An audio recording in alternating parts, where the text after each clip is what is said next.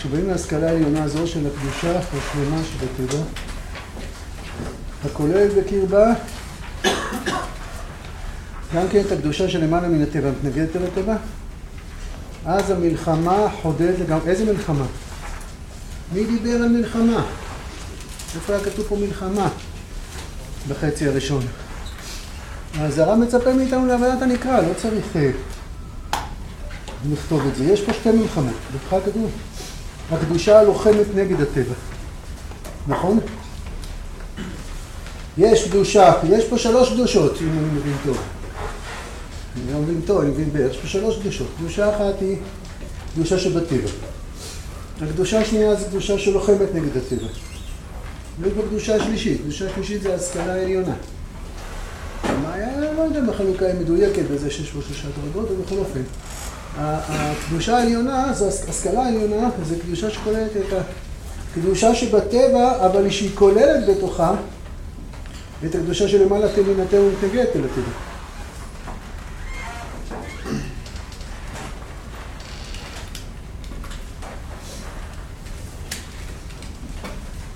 למה הרב קורא לזה קדושה שלמעלה מן הטבע?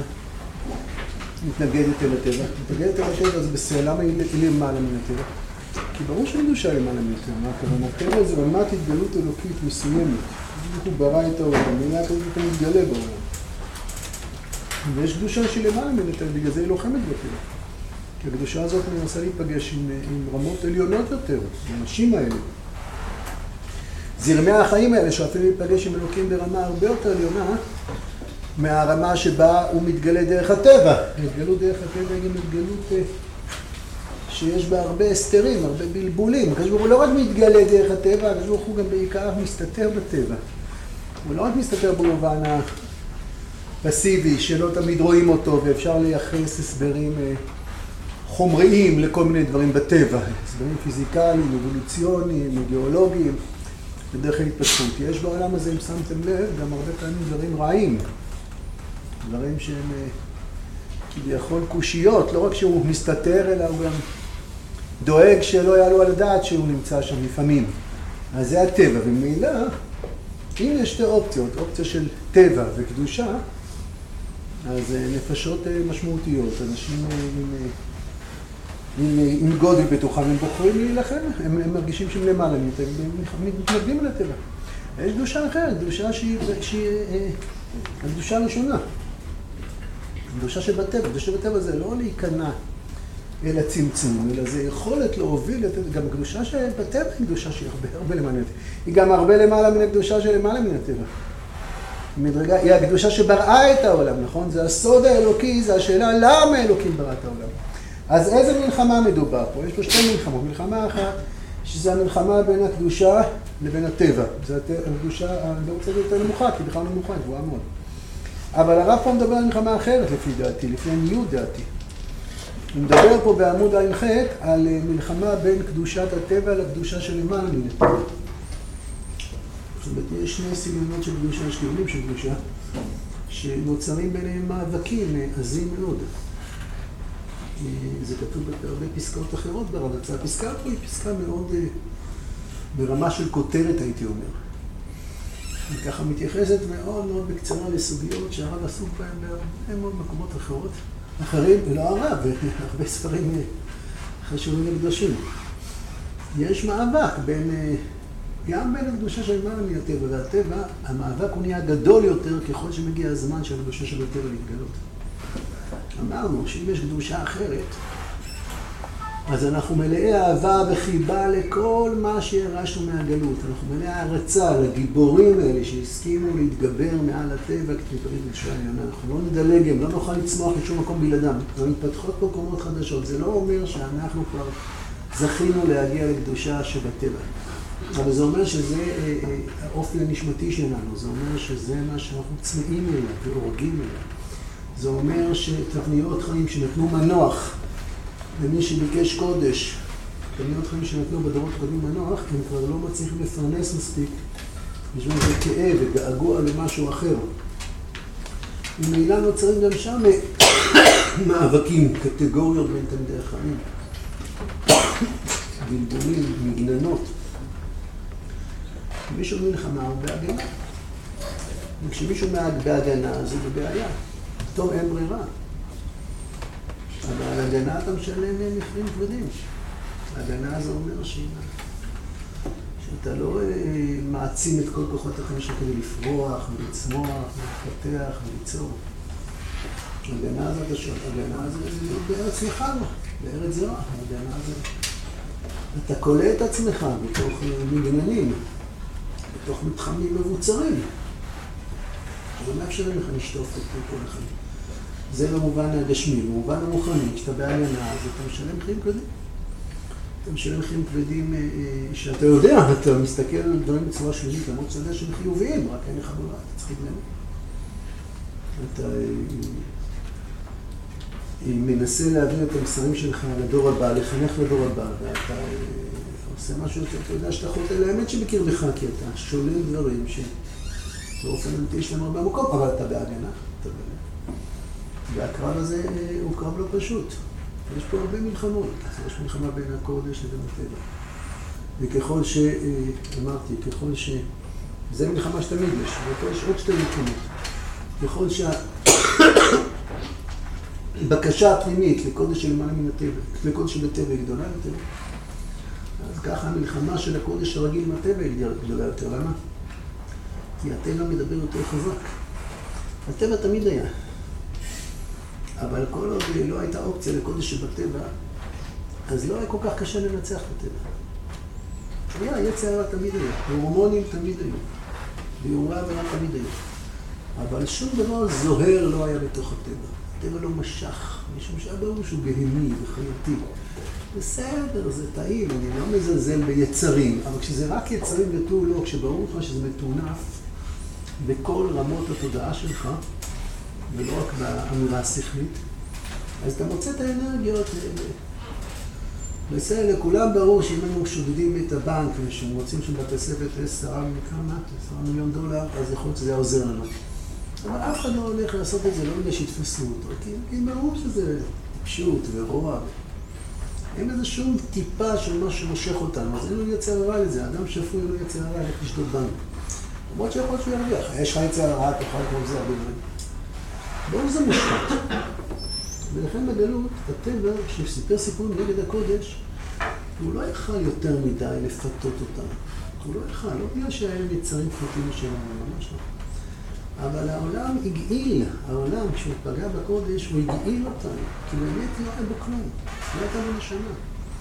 משום שהקודש של הטבע הסתתר, לא היה, לא, לא היה ברכי, לא היה ברי אחי לגלות אותו, אז הטבע הוא מאוס, אלא אם כן משתמשים בו כדי לשרת הקודש, כשנוצר מאבק. אז אמרו, אם זה קשה, בסדר, מוצאים את הכוחות. אבל כשמתחילים לצמוח במעמקי הנשמה, בקשות אחרות, בקשות שונות, כשמבחינה פוטנציאלית, הטבע הוא כבר לא טמא. הטבע מוכן, זה לא הטבע, זה בית המדרש, זה המוח, אתה יודע, מוכן להיפגש בעבודות עמוקות וגדולות יותר, מוכן להיפגש בקודש בטבע. אז קשה מאוד לכבות, גם מי שלא לומד פסקאות באורון, בסדר? פסקאות באורון, תאר תהליכים, זה כמו שרופא מתאר לך תהליכים פיזיולוגיים מאוד מסובכים שקורים לך בגוף, גם אם הוא לא מתאר את זה, זה קורה. בסדר? זה קורה. אם יש לך ברזל או אין לך ברזל, או יש לך עודף של סידן או חוסר של סידן, אתה לא יודע, אז מה אם אתה לא יודע? זה קורה. זה קורה וזה משפיע עליך בצורה מאוד מאוד עמוקה. ככה גם בנפש. מישהו לא יודע שהוא עצבני, אז הוא לא עצבני. אם מישהו לא יודע שהוא אה, מדוכא, אז הוא לא מדוכא. הוא עצבני והוא מדוכא, אז הוא לא מודע לזה, אז מה אם הוא לא מודע לזה? מי עצבני? מה אתה... הוא פועל בצורה עצבנית. וזה הלכה כאן נכון, כאן נכון, מבחינה נשמתית. משהו בטבע אומר אחרת. אז מבחינה הלכתית, מבחינת ההיגיון, זה נראה עלוב, זה נראה קטן. אבל משהו במעמקים והמעמקים מדבר עם עם ישראל, אם כן מתכוון בצורה אחרת. אה, אה, בתי מדרש שיצהירו שבעיקרון הם רומסים את הטבע, בעיקרון, לא בתור שלבים ולא בתור משהו לך. שמלאי בוז לטבע, משהו בהם לא יעבור, משהו בהם לא ישכנע. בטח לא את רבבות אלפי עמך בית ישראל. כי בעומק עומק הנשמה יש איזו תחושת חיים ודאית כזאת, שעכשיו הטבע הוא לא דבר רע. זה, זה עוד לא בא לידי ביטוי, כי אנחנו עוד לא יודעים להראות את הקודש שבטבע. מבחינה מעשית, הדרך עוד ארוכה מאוד. אבל הקולות הנשמתיים האלה צפים ועולים ומשגעים ומכריחים ומבלבלים ולא נותנים מנוח. ואם אה, אה, בחור ישב בישיבה והרגיש שהתורה מועכת את החיים, אז בכל הדורות כולם, אז הוא אמר, אז נמרח את החיים. אבל בדורות שבאופן סגולי, הקודש שבטבע כבתור לבוא, אז החסימה, ההרגשה שאני לא רוצה למרוח את החיים, היא כבר לא באה רק מיצר. היא יכולה לבוא במקומות עלומים ומשמעותיים מאוד. אני לא רוצה למרוח את החיים. איך אני מפרש את החיים? אולי מפרש את החיים בצורה מאוד טיפשית וילדותית. אבל עצם הבקשה, אי אפשר למרוח את החיים. זהו. הרב כותב פסקה כ"ח, התקדמנו כבר הרבה הרבה מאוד עשרות שנים, שנים יותר שנים מאז שהוא כותב את הפסקה הזאת, והקולות האלה הם רק יותר עוצמתיים ויותר גדולים. והם יותר מאורגנים, פחות מאורגנים, הם יותר מסודרים, מובנים, נקבעו, סודרו, זה מסתבך מאוד מאוד, יש הרבה בלבולים של כל מיני ניסיונות, אה, הכותרת שלהם זה תורת חיים, נכון? או תורת ארץ ישראל, תורת חיים תורת ארץ ישראל. שכל מיני ניסיונות לארגן תורה שהיא ככה מחוברת אל החיים, הם ניסיונות בוסריים, שכמעט בכל המקרים נזכר הרבה יותר גדול מתועלתם, אם יש בהם אחד טועה. משום שזה לא אה, אנשים צוות חשיבה, לארגן כמה חבר'ה ובואו אה, נקבל רעיון, אבל יש איזה משהו כמו אה, סיסמאות פשוטות כאלה. שאומרים כמו בבני עקיבא כתוב תורה ועבודה, מה מסתתר מאחורי שני המילים האלה? יש איזו בקשה לתורה כזאת. בקשה מאוד אה, אה, פשוטה, מאוד לא מעמיקה, אין שם איזה בירור רוחני עמוק. אני מניח שהרב נרי אז יצא כתב את הסיסמה הזאת, אז הוא כן מבין מה הוא מדבר, אבל יש איזה משהו ש, ש, ש, שקורה פה משהו, ו, ועוד לא יודעים לתת לזה שם, ועוד לא יודעים לנסח את זה בצורות עמוקות, ועוד לא יודעים להצמיח אפילו תלמידי החיים עליונים מאוד, ואנשי קודש אדירים שהם... יש כל מיני הווה אמינות, כמו כל סוגיה בגמרא, כל סוגיה בגמרא יש בה הווה אמינות, וניסיונות, ושיטות, ובירורים, עד אין כאן עשרות שנים מתוך זה, ויש לנו גם התקדמויות מאוד גדולות, אבל אני מדבר על המלחמה. הרב כותב מלחמה חודדת לגמרי, אז איזה מלחמה זאת? כל מלחמה נמוכה של הקודש שלוחם בטבע. בוודאי, אבל היא, היא, היא חדלה אה, כבר בפסקה הראשונה של כ"ח, לא בפסקה השנייה של כ"ח. אז יש עוד שתי מלחמות. המלחמה הראשונה, הש, השנייה אמרנו עד עכשיו, זה אה, משהו בטבע הרבה יותר מושך. שהכישרון של הקדושה, כשהיכולת לחזור אל הקדושה שבטבע שב עם ישראל, אז משהו יותר מושך בטבע. והקודש יותר... אתה רואה את פסקה כ"ח? אתה אומר, זה הפוך למה שכתוב בעיתון. הפוך למה שכתוב בעיתון. אתה יודע מה זה הפוך למה שכתוב בעיתון? כי בעיתון כתוב, בעיתון אני מתכוון במבט החיצוני, הטכני, השטחי. בעיתון כתוב שבגלות עם ישראל היה מחובר לחיים. בגלות לא היה דבר כזה שכולם מבריחים, וכולם עם תורה, וכולם מבשים חלוקים ארוכים, ואסור ללכת לצבא, ואסור ללכת לעבוד. מה פתאום? בגלות הלכו לעבוד. אתם יודעים שבגלות הלכו לעבוד? למה הלכו לעבוד? כי הממשלה הפולנית לא עשתה תחיית גיוס, אתם יודעים? הם לא הצבא הרוסי. הם גם לא נתנו מלגה. אמרו מי שלא עבד מת. לא, עבד. לא הייתה את הבדיחה הזאת. יהודי, כל יהודי צדיק. היה עובד. מתי מעט, לא היו אברכים כמעט. בגלות כמעט, כמעט, כמעט לא היו אברכים. תופעות של יום, תופעות נדירות מאוד. לא הייתה אפשרות בכלל. היו תלמידי החיים מאוד מאוד גדולים. מה הם עשו? היו הרבה תלמידי חיים, הם עבדו. או שהם היו נהיים רבנים. רב יישוב, רב כפר, רב שכונה, רבים. רב זה עבודה. זה קודם כל לוקחים את גאוני הגאונים. יחידי יחידי. ובגיל צעיר מאוד היה. הרב יצא נהיה גיל רב בגיל 23, של, אה, איך קוראים לעיירה הזאת? לפני בויסק, היה עוד איזה... זה הנה, כן. איזה אה, עיירה דלוחה, עלובה וקטנה. ולהיות רב של יישוב זה הרבה עבודה. זה לדאוג לעירוב ולכשרות ולשלום בית ולהיות דיין ולסדרי בית הכנסת. בסדר, למדו מהפנימית. גם למדו, לא עשו אה, קריירה, הלכו להיות מהנדסים ויצאו בשבע בבוקר, חזרו ב-12. בסדר, עבדו באיזה כמה שעות וניסו אה, לגרוף את הכמה גרושים שהיו צריכים בשביל אה, לקנות את הלחם שלהם, לא אכלו הרבה יותר מזה. אבל כן, המציאות, זאת אומרת, אבי חומרים יותר. זה שהיום התפתחו תופעה רחבה מאוד, שכולם לובשים לבוש רבני, וכולם לא הולכים לעבוד, וכולם הולכים לשאול, זה המון המון מעלות, זה נראה, כן, נכון? ומלחמה נגד... במובן הכי פשוט מרביצים לך, אתה מתגונן, מלחמה, בסדר, זה תופעות שבעזרת השם הולכות ונעלמות, זה תופעות שהביאו זעזוע מאוד מאוד אה, משמעותי בשמחת תורה, והרבה סדקים אה, ממוטטים את, את, את הקירות שהם כלאו את עצמם בהם. אבל בפועל אתה רואה שכאילו הקודש נהיה עוד יותר לוחם בטבע, עוד יותר לוחם, הסתגרות כזאת והתכנסות כזאת. נכון, אבל, אבל לא ככה אתה בודק דברים. לא ככה אתה בודק דברים. התופעה החיצונית היא כזאת, אבל התופעה הפנימית היא למה זה קורה, ולמה זה קורה? כי הטבע הרבה יותר מושך. הטבע הרבה הרבה הרבה יותר מושך. ולמה הטבע הרבה יותר מושך? אפשר להגיד, מושך בגלל שיש... יש... התקשרו אליי מאיזה תחנת רדיו חרדית, ושאלו אותה, אמונתך, יש בישיבה מיזם של אמונתך, שמעבירים שיעורי אמונה לציבור של בעלי ודור מקום כזה, עכשיו זה עניין אותם. אז הם שאלו אותי, בשביל מה אמונתך? למה ללמוד אמונה? מה אתה יכול לדבר בשתי דקות וחצי ברדיו, אתה יודע, משנות? אז רציתי להסביר שהיום... שהיום דברים שהיו פשוטים מאוד בכל הדורות ובכל השלבים, היום קשה מאוד להבין אותם, קשה להבין מה זה יהודי ולמה להיות איש ומה זה משפחה ולברר את הזהות. אז הם אמרו לי, נו כנראה חרדים כאלה, אמרו לי, אנחנו לא מבינים את השפה הזאת, זהות, לא זהות, מה זה? דבר איתנו בשפה שלנו, בשפה שאנחנו מבינים. אז אמרתי להם, אני חושב ששמעתי את זה פעם ממישהו, או גם אם לא זה נכון, שהיום בחור ישיבה שעובר 100 מטר ברחוב, עד לקיוסק, ליד הישיבה, רשויות של משהו, הוא עובר יותר ניסיונות ויותר פיתויים ממה שבחור בעיירה ראה כל החיים. אז את זה הם מאוד הבינו, את זה הם מאוד הזדהו.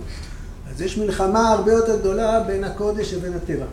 אז אפשר להבין שזה משהו חיצוני, כי יש מדיה ויש מתירנות ויש תרבויות גלובליות שהן מבלבלות, אפשר לראות את זה ברובד הזה, ותמיד כל דבר טכני הוא נכון. יש כאלה שאומרים שההשכלה התפתחה בעולם, איך, איך, איך יצאנו מהביניים, איך התפתחה העת החדשה, בגלל שגוטנברג המציא את הדפוס. גוטנברג, יואן גוטנברג המציא את הדפוס, אז, אז נהיו, נהיו הרבה יותר זול לפרסם דעת, אז הרבה יותר אנשים למדו והקשיבו, שטכנית מה תעשה עם הטיעון הזה, נכון, אבל זה לא נכון, כי את הדפוס המציאו בסין אולי אלף שנה לפני גוטנברג, מאות שנים לפני גוטנברג. ומה עשו עם הדפוס שהמציאו בסין? בעיקר קישוטים לקרנבלים שלהם, לחגיגות של הקיסר. בעיקר כל מיני כרזות. המצאה טכנית היא לא משנה את העולם. היא לא משנה את העולם. המצאה טכנית זה בדרך כלל כשברוך הוא נותן סייעת משמיא. הוא אומר, הגיע הזמן שמישהו, למה לא, זה לא איזה המצאה כזאת מדהימה. למה לא המציאו את זה קודם? כי קודם לא הייתה בקשה לדפוס, קודם כל לא הייתה בקשה לשכיחות של דברי חוכמה, משהו מסביב דברי חוכמה. אז יש מלחמה נוספת, המלחמה הרגילה של הקודש בטבע, היא נהיית הרבה יותר קשה ככל שהפסקה הזאת יותר נוכחת. כי, כי הטבע יותר מושך, הוא מושך משהו יותר אמיתי, כי שם שמסתתר בו. הוא נהיה יותר עוצמתי, כשהוא יותר עוצמתי. אז יש לו גם קליפות הרבה יותר, אז הקודש הרגיל מבוהל ממנו הרבה יותר, מפוחד ממנו. יש את הפסקה באורות הקודש של המלחמה בין שור הבר ללוויתן. מכירים את הפסקה הזאת? זה גמרא בבטמן. מופיע בכמה מדרשים. שם הרב פותח את זה הרבה יותר רחב, אבל... מה מייצג שור הבר, מה מייצג הלוויתן, זה מאבקי כוחות מאוד מאוד אדירים. בסופו של דבר אנחנו צריכים לחבר את שניהם ביחד. זה המלחמה השנייה. המלחמה השלישית, אני חושב שהיא מתפתחת. מלחמה זה ביטוי קצת קשה, אבל בכל אופן אני אשתמש בו, יכול להיות. זה בין הקודש הרגיל שלוחם בטבע לבין אלה שמבקשים את הקודש שלמעלה מטבע, את הקודש בתוך הטבע. זה קודש הרבה יותר להיות. אז מלחמה זה אולי ביטוי חריף, אבל אני מצטט שורה של הרב בצד קטגוריות, קטגוריות מתרבות אין פה ספרים, אז אני לא זה בפנים, אבל יש... יש תמיד ויכוח בבתי מדרש, יש הרבה דיונים, זה בית שמאי, ובית הלל, וזה כאלה וזה כאלה, אבל... אבל... אני מבין ש, שיש מדרגות בקדושה שבטבע. יש קדושה שבטבע שוב, שהיא באה באופן סגולי ויוצרת צמא וגעגוע וניסיונות. והקדושה שהיא צורת בטבע היא מאוימת גם מהטבע וגם ממי שמחפש קדושה בתוך הטבע. ואז נוצרים מאבקים, קטגוריות. קטגוריות זה, קטגור זה מי שאומר את הדברים הרעים בבית משפט, נכון? קטגור, מי שאומר את הדברים הרעים, וסנגור זה מי שמלמד זכות. אז מתפתחת תופעה כזאת שאומרים דברים שליליים אחד על השני, ש... שלא מסתכלים בעין טובה, ולא באוזן מקשיבה, ולא בלב פתוח. כי בצדק, בצדק. כי יש, אתם רואים, יש קדושה שבטבע, ויש פה משהו יותר מזה. השכלה העליונה של קדושה שלמה שבטבע הכולל בקרבה גם קדושה של מים יותר פגרת. זאת אומרת, הקדושה של מים בטבע היא גם נלחמת בטבע. אתם יודעים באיזה טבע היא נלחמת? בטבע הנמוך. להגיע לקדושה שבטבע זה מסע ארוך ומפרך, שיש בו הרבה מאוד דם, יזע ודמעות. להגיע לקדושה שבטבע זה לא להיכנס לישיבה להגיד אני רוצה להתחבר תורה לחיים ואז אה, להתחיל להתפנק ולהתבטל ולהיכנע לכל הדחפים שלי. וזה מצוין שזה לפי ההלכה, וזה רחוק מאוד מספיק. להיפגש עם הקדושה השלמה שבטבע, אתה יוצא לקרב ארוך, שנדרשים לו הרבה כוחות סבל ומשמעת פנימית ועוצמת רצון, בעיקר אמון אדיר במה שחבוי מן העין וגנוז מהנשמה, ואיך שהוא מקרין את עצמו דרך בקשות לב שיכולות להיות ילדותיות ותמימות. אז, אז זה עוד לא השכלה, זה ניסיון, זה לחיות חיים כאלה בריאים. הקדושה שבטבע היא יכולה ליצור כל מיני... ברבנים הבסיסיים, הרב לא כותב כמעט מה לעשות. ספר אבות. ספר אבות הוא לא ספר פרקטי. הוא לא כותב בעיה ופתרון, הוא מתאר מצב. אחרי שהוא מתאר מצב, אתה קורא. אתה יכול להתחיל למצוא פתרונות. כלומר, מישהו חסר לך ברזל. הוא מתאר מצב, מה עושים? תשבור את הראש, לך לרופאים, לך בית מרתה אחת. חפש מסמרים בבית. תמצא כל מיני פתרונות, יהיו טובים, פחות טובים. בסוף תעלה על הדרך שאתה רוצה. על זה הרב משאיר לנו. אבל שוב, הפסקה הזאת היא לא פסקה שהרב מדריך אליה, הוא אומר זה קורה ככה, זה קורה ככה, זה מגיע.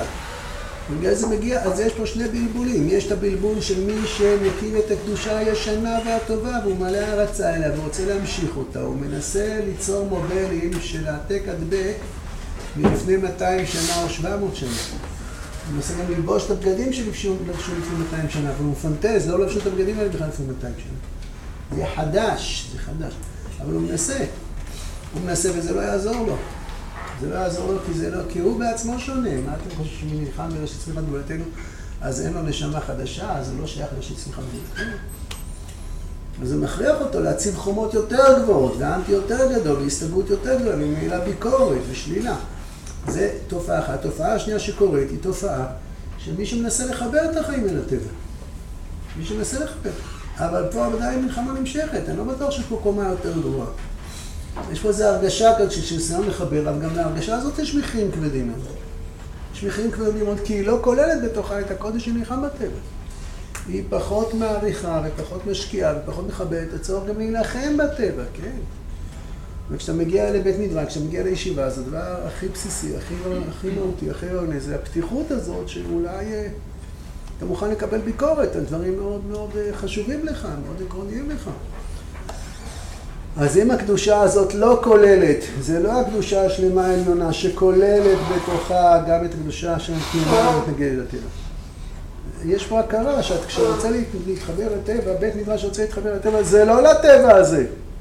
זה לטבע, זה כן לטבע, זה החומרים, אבל זה לא, אני גם, זה לא גם וגם בקיצור. אם זה גם וגם, אז זה קטסטרופה. אם זה גם וגם, זה יכול לבוא מאנשים מאוד מאוד טובים שרוצים גם וגם. הם רוצים לחבר את הרב, יש לזה קשר להמון המון סוגיות. סוגיה אחת שפתאום צפה לי בראש במקרה, או שלא במקרה, סוגיית העלייה להר הבית. סוגיית העלייה להר הבית, יש הרבה אנשים טובים, צדיקים, מתוקים, חמודים, אידיאליסטים, שרוצים כבר לעלות להר הבית. והם לוקחים את המודלים שהצליחו מאוד ביצירה של הציונות. שבא הרבה פעמים מלמטה, בתור מרד כזה של צעירים, ולא תמיד המבוגרים הבינו. ודחפו, והתארגנויות כאלה שלא תמיד באו מגדולי הדור. הרצל לא למד הרבה שנים בוולוז'ין, אתם יודעים? אפילו לא קצת שנים. לא בוולוז'ין, וזה דחף. ואחרי זה גם אה, הרבנים יבינו ויסבירו למה זה. יש כאלה כל מיני, ואתה... מדבר איתם, ונראה שזה בא ממקום מאוד טוב, אני מניח שבאמת חושב שזה בא ממקום מאוד טוב, אבל זה קשור מאוד לפסקה הזאת. זה קשור מאוד לפסקה הזאת, כי, כי המחשבה שאני יכול לדרוך על הר הבית עכשיו, במהרה בימינו אמן, עוד חמש דקות, עוד דקה אפילו, אבל במצב העכשווי, שהנפשות שלנו, זה מצב שלא מבין את הקודש שלכם בטבע. מצב שלא מבין, זה, זה המחשבה שאני ראוי לדרוך על הר הבית, אני אה, ראוי להניח תפילין, גם תפילין זה סוד גדול, אני ראוי אה, אה, לשמור שבת, אני ראוי לאכול מצה, אני ראוי להתגייס לצה"ל, גם זה דברים ענקיים גדולים עליי, אבל כן, זה אני לא ראוי, אני גם מחויב לעשות את כל הדברים שהזכרתי עכשיו. אני מחויב, כי זה הרבה למעלה מידות שלי, ויש דברים שאני לא שם, ולא שם, לא בגלל שמהותי אני לא שם. בית מקדש זה, זה, זה, יודעים, כל המחשבות שאנחנו חושבים על רבי עקיבא הן מחשבות מאוד ילדותיות ורדודות מאוד מאוד ביחס למי היה רבי עקיבא באמת. מה אנחנו יכולים להבין, מה אנחנו, ירמיהו הנביא, דוד המלך. אנחנו עומדים מרחוק ומנסים אה, להתחמם לאורן של הדמויות הענקיות האלה, להקשיב מתוך מודעות לפער הענקי. אבל כשאתה הולך לכותל, אתה נוגע באבנים של הכותל, אז גם רבי עקיבא נגע באבנים האלו. גם... גם כל אנשי המשנה, אם זה יש סודים בבית ראשון, זה בכלל. אתה הולך בחברון, גם אברהם אבינו הלך בחברון. אז יש קשר סגולי, האבנים, הקרקע, האדמה, מחברים קשר סגולי, אבל מדרגת החיים של בית מקדש, מדרגת חיים שלא קשורה בכלל לכל מה שאתה קורא טבע. כל מה שאתה קורא טבע זה עלוב כל כך לעומת מדרגת החיים שמתגלה. בית מקדש מתגלה אלוקות. קדושה יש, גם בגלות יש קדושה. בבית מקדש אתה מדבר על משהו אחר לגמרי. כל דרכי השיטות הפעולה והעבודה של ארץ ישראל ויהודה ושומרון הם לא רלוונטיים לגבי בית מקדש. בית מקדש זה לא קימה קימה. בית מקדש זה, זה, גם אם אנחנו נבנה את זה, זה יהיה בשני השמיים. זאת אומרת, אנחנו נפגשים פה עם האינסוף. בית מקדש נפגשים פה עם, עם העולם הבא, נפגשים עם מעמד הר סיני. בכל מקום אתה נפגש עם האינסוף. זה ביטוי של האינסוף, וזה ביטוי סופי של האינסוף. אנחנו לומדים תורה, אנחנו לומדים, כן, בית המקדש זה כבר, זה הסגולה, זה בפועל, זה לא סוגות.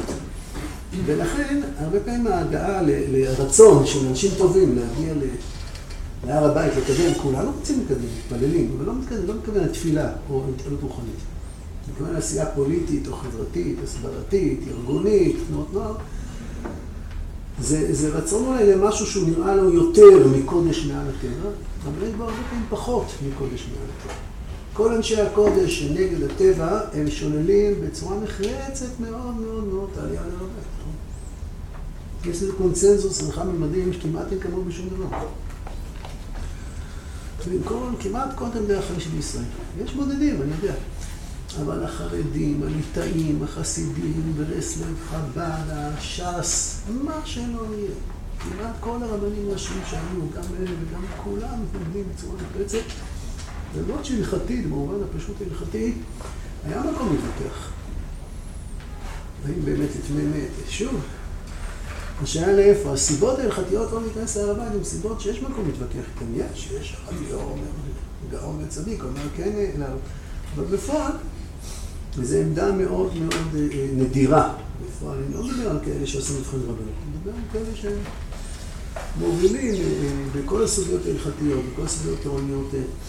אה, בעם ישראל קדימה. יש שם, יש שם איזה משהו, אם אתה לא מבין שבשביל להגיע לבית המקדש אתה צריך להיפגש עם משהו שהוא לאין ארוך יותר גדול ממך, של סוד, להיפגש עם איזה סגל, להיפגש עם משהו שהוא לעילה או לעילה יותר מקבלת הארי, אתה לא מבין את זה. אז אתה לא עולה להר הבית, אתה עולה על הדמיונות שלך. אז מי ביקש זאת ממכם? רמוס חצרות. עכשיו, אתה לא רק שאתה לא עולה על הר הבית, אתה גם מזיק, אתה פוגע באופק הצמיחה שלך, אתה לא אה, מאפשר לעצמך להאמין שיש משהו שהוא הרבה הרבה מעבר להישג הבא. אתה גם דוחה המוני אנשים בעם ישראל, שעמוק בנשמה שלהם מרגישים שבית מקדש זה משהו אחר, וכשאתה אומר שבית מקדש זה לא משהו אחר, אז הם מחשים רתיעה, הם מחשים שיש שם איזה פגניות, יש שם איזה... אתה יודע, אז הוויכוח אם לעלות להר הבית או לא לעלות לבית זה לא ויכוח מי צדיק. או מי טוב, או מי אידיאליסט. זה כמו שזה לא הדיון.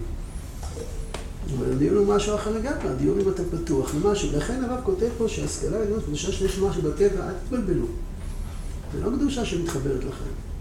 כדי להגיע לקדושה של משהו בטבע, אתה צריך לעבור תהליכים שיש לך את היכולת לדכא את החיים שלך, להעמיד את עצמך בעיה של תורה, אין דרך אחרת. מי שלא מוכן לקרוע את עצמו, מי שלא מוכן להקריב קורבנות כבדים מאוד. אם צריך, אבל זה לא בגלל שהטבע רע. זה בגלל שאנחנו רוצים להיפגש עם הסגולה הפנימית של מה שמסתר בטבע. ואם אין את זה, אז יש מלחמה. נראה לי שהמלחמה הזאת, הוא כותב, אז המלחמה חודרת לגמרי. מתי מפסיק המאבק הזה בין... אה, אני לא רוצה לדבר ברמה פוליטית, אז אני לא אגיד אה, שמות של תנועות אה, מגזרים בעם ישראל, אבל מתי מפסיקה המלחמה בין מגזרים בעם ישראל?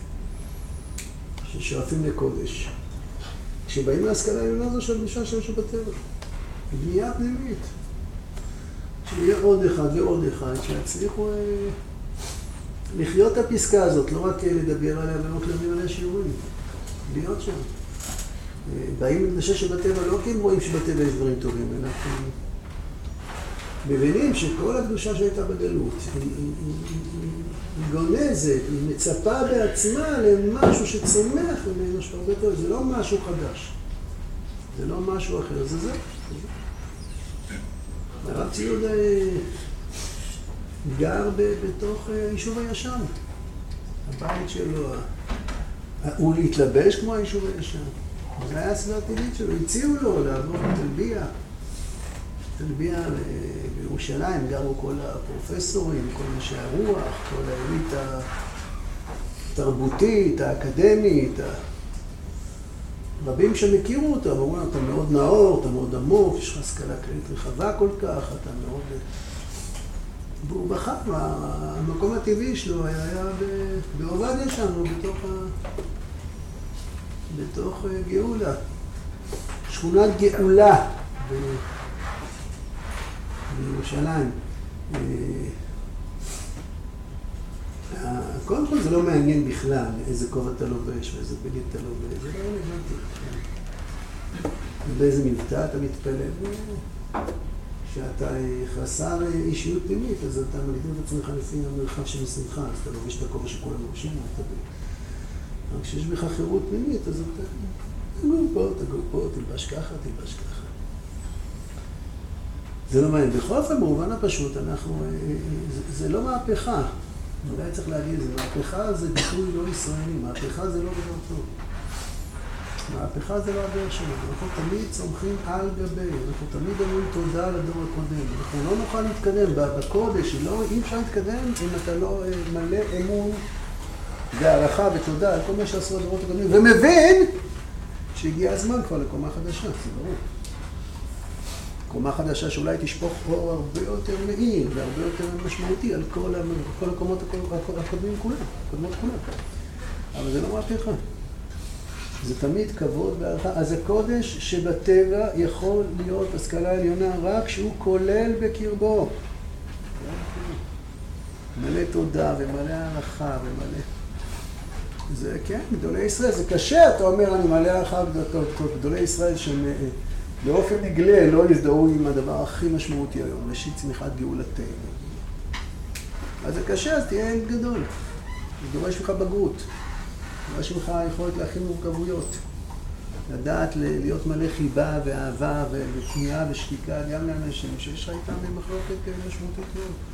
אחרת זה לא מעניין. כן. אולי צריכתי להבין מה? ממנו זה ממי? שום דבר לא מונע מאיתנו. למה חשבת שמשהו מונע מאיתנו? לא למה אתה חושב שהוא לא שם? נראה לך.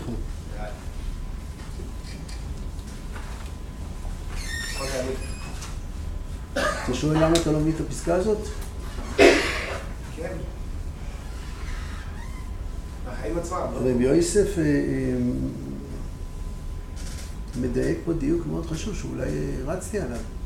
כשבאים להשכלה העליונה הזו, אז יוסף אומר, מה מונע אתם להבין באמת? כי, כי, כי להבין, אני מבין את הפסקה, אני אפילו מעביר עליה שיעור. אבל יוסף אומר שאני לא מבין אותה באמת. נכון? ככה אני שומע, אתה צודק גם. בטח שאתה צודק. שאני לא מבין אותה באמת. זה, באים, באים להשכלה העליונה הזו, זה, זה השכלה העליונה. לחיות את הדברים, לא, לא רק לדעת, יש נתונים, יש מידע, אי אפשר להמשיך בלי המידע. זה מאוד מאוד בסיסי. אתה טוען שאנחנו לא מבינים אותם. יכול להיות, אבל אין שום דבר שמונע מאיתנו. שום דבר לא מונע מאיתנו. מה מונע איתנו להשמיד את החמאס? שום דבר. דוגמה פחות מוצלחת, כי אנחנו גם משמידים את החמאס, בעזרת השם, עד כלותם, בעזרת השם. אבל מה מנע מאיתנו להשמיד את החמאס לפני ארבעה חודשים? כנראה ששום דבר, לחיל האוויר הייתה את היכולת. יודעים שחיל האוויר הקדיש, הקציב לרצועת עזה עשר אחוז מהתחמישים שלו. אנחנו רחוקים מלכלות אותם. תשעים אחוז הוא שומר לחבר'ה מהצפון. רוצה לעשות את אותו מודל שיפוץ גם לביירות עם אה, חיזבאללה. ייכנסו למערכה. אבל אה, אנחנו יכולים, בקיצור. חיל האוויר עובד בקטנה יחסית ליכולות שלו. חצי צה"ל נמשם שם הם יכולים. וזה דרך, זה דרך שדורשת מאיתנו הרבה. אני לא חושב שזה נכון, למשל שאמרתי, חלקי מאוד, משום שאתה כן או לא, בניגוד לתהליכים רוחניים פנימיים שאף אחד לא מונע מאיתנו. אני חושב שאנחנו זזים לקראת זה, אבל איך זה לקראת זה? יושב בחור בשיעור ב' או ג' או ז', מחליט שהוא הולך על זה, אין דרך אחרת ללכת על זה. איך בנו את המדינה? אתם יודעים איך בנו את המדינה? תמיד מזהים, איך בנו את המדינה? ישבו חבר'ה בשיעור ב' או ג', ז' חלוס ג'. החליטו לייבש ביצה בחדרה, או באמת איזה, למי זה עזר? יודעים כמה מיליוני דונמים היו עם ביצות, אז אתה מייבש עוד ארבע דונם. אוכל קדחת, אתה רואה שאתה אחרי שעוד ארבע. הציונות נבנתה איך הכשירים, דונם פה ודונם שם, רגב, על כל רגב. איך השיר ממשיך? לך נקנה אדמת העם. לא זוכר את השיר בדיוק. אבל אה, כמו העפלה, אתה מביא עוד אוניית מעבר. כמה כבר תביא, מה יצליח את רובם הברית הנתפסים. אנחנו סגולה ובחירה ביחד כדי לקדם את הישועה. צריך פה אנשים מלמטה שילכו על זה. באופן אה, מעשי, כמה, כמה הם יועילו כבר. אז בנו את זיכרון יעקב, בנו. מה, מה זה יעזור? עם שלם, צריך מיליונים פה. אבל האמון הזה שאנחנו... אה, פתח בהשם ועשה טוב, שכון ארץ הוא האמונה, האמון בנוכחות האלוקית בעולם. אלא כשאתה פועל לקראת משהו, אתה נלחם על משהו, אז תהיה סייע דשמיא, אז אתה שותף למהלכים אלוקיים שיודעים. אז למה אנחנו לא מבינים? אנחנו בתהליכים של הבנה. בתהליכים, יש תהליכים. אנחנו. ברגע שזה יתקיים בנו, כשהאומה תהיה בהשכלה, לא יסגמרו המלחמות, אתם יודעים איזה מלחמות ייגמרו? כל המלחמות. כל המלחמות. יש גם משיח גם יעשה מלחמות. כתוב מלאכי מלחמות השם. יהיו לו נמרים ומרכבות, ו... אבל אה, בסוף באמת ייגמרו המלחמות. כי המלחמות הן ביטוי של, של חוסר הבנה שלנו, של חולשה שלנו. אני לא חושב שצריך להגיד למה אנחנו לא מבינים. צריך להגיד מה לעשות כדי להבין. איך עוטים היעד הזה. לא מבינים, כי, כי, זה, כי זה יעד שדורש מאיתנו הרבה הרבה מאוד, ומתאמצים, הרבה מאוד אנשים מתאמצים על זה ברוך השם. נבנו, ייבשו כמה דונמים, קנינו כמה עיזים בין המשק הישראלי, בהחלט הם מתקדמים, אבל... אבל אם אתם דואגים, אני קורא צריך להרגיע, אם אתם דואגים, נשאר לכם מה לעשות. אתם לא נולדתם בקץ ההיסטוריה. לפני עשרים שנה איזה פילוסופיה יפני כתב פוקויומה, הוא כתב ספר קץ ההיסטוריה. אחרי נפילת מסך הברזל, זה ביותר מ-20 שנה. זה, זה נגמר הסיפור. פעם היה פה רוסיה ואמריקה ומלחמות עולם ומזרח ומערב, נגמר הסיפור, הוא כתב. אחד מגדולי מעצבי דעת הקהל, מגדולי המשפיעים על אה, אובמה וביידן, ואבי צריך להגיד ביניהם, אז הוא כתב ספר אה, בזמנו, ספר שמאוד מאוד משפיע, שהייתה לו תיאוריה, ששוב קץ ההיסטוריה, קץ המלחמות, התיאוריה שלה הייתה שכל מקום שיש סניף של מקדונלד, מקדונלדס, עם סמך בסוף, נכון? שאני לא אעוות את שמם חלילה, אז אין יותר מלחמות. אין יותר מלחמות. חלאס, נגמר חלאס. אכלתם פעם מקדונלדס? יש כשר. לא אכלתם גם את כשר, ברוך השם. אז אה, ממבט אה, הציפור של כמה שנים אחורה, זה נשמע כל כך מטופש, נשמע כל כך אווילי. אבל פעם זה נשמע יותר... אז אתם לא, ההיסטוריה לא הסתיימה. אם אתם דואגים, אתם יודעים, היו קרבות ושמחת תורה, ומי שהיה שם מסר את נפשו, וואו. אוספים את הסיפורים וייצאו סיפורי גבורה שלא היו בכל מלחמות ישראל. ואתם פספסתם את הכל, לא פספסתם כלום, מה תדאגו? התקפות של החמאס ככה לא יהיו יותר, בעזרת השם לא יהיה חמאס, אבל... אבל בשביל לבוא להשכלה העליונה הזו זה... זה מסלול ארוך, ארוך, ארוך, ארוך, ארוך. זה לא יחידות כאלה שאחרי שנתיים סיימת מסלול. זה עשרות שנים של מסלול. ואין סיכות. לא יכולים לקרוא לכם סיכות בסוף המסלול. יש סיכה אלוקית שקופה כזאת, שרק אני שמע. הרב מציב חזון. מי ש... מי שרוצה להיות ביחידה הטילית של אלוקים, אז הוא הולך על זה. יש מיונים מאוד מאוד קשים, גיבוש מאוד מאוד קשה.